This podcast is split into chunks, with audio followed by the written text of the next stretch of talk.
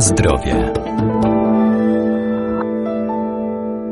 Zwiększa wydajność organizmu, spala kalorie i daje mnóstwo energii. To najprostsza forma ruchu i samo zdrowie. Dziś powiemy o bieganiu, dowiemy się jak zaplanować sobie trening, a także gdzie i jak długo biegać.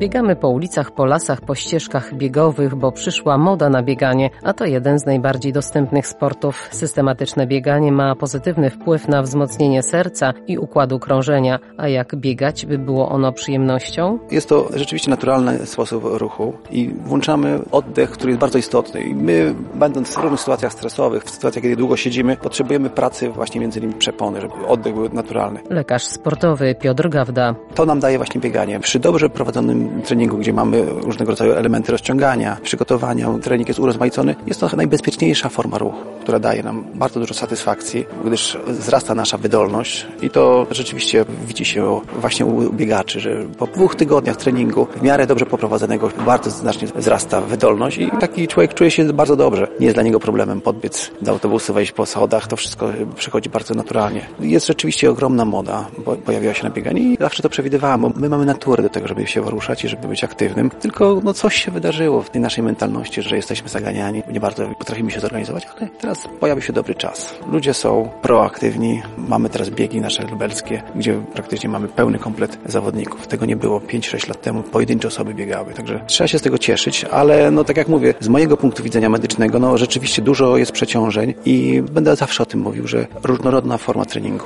Na płotkach troszeczkę trening siłowy, różne elementy, żeby wplatać różne treningi. Na pewno w pierwszej fazie biegać jak najbardziej miękkiej nawierzchni, czyli biegamy w lesie, biegamy w parku i to jest bardzo istotne dla początkujących, gdy jeszcze nie mamy dobrej koordynacji ruchowej. Później, gdy ta koordynacja się poprawia, możemy przejść na twarde nawierzchnie. To nie jest warunek konieczny, że my musimy biegać ciągle na miękkiej nawierzchni, ale początek jest bardzo istotny, żeby, żeby zacząć na miękkim podłożu. Na zdrowie.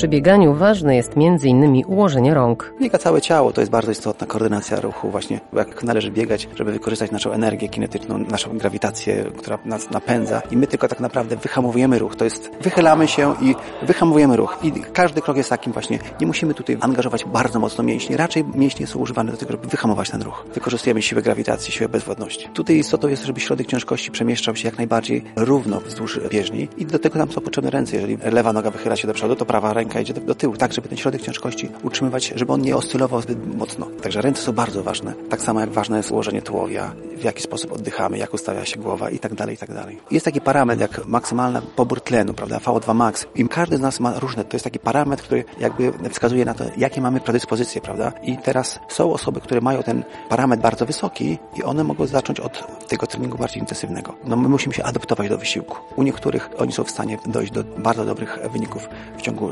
3-4 miesięcy przy dobrym treningu, a niektórzy potrzebują na to wiele lat, prawda? Także to jest bardzo osobniczo zmienne, ale mówię, ta metodyka treningu jest bardzo ważna i dobór obciążeń, tak żeby nie doszło do przetrenowania. Bardzo dużo mam pacjentów, którzy rzeczywiście po prostu są przetrenowani. Oni trenują zbyt dużo, nie zwracają uwagi na regenerację. A regeneracja w bieganiu jest najistotniejsza i zawsze to będę powtarzał, że układając plan treningowy musimy zacząć od tego, żebyśmy mieli czas na odpoczynek i dopiero wtedy dołączamy trening. I to jest bardzo ważne bo w momencie, kiedy przychodzi przemęczenie, nie mamy na to ochoty i rzeczywiście są problemy z tym, żeby to bieganie sprawiało przyjemność.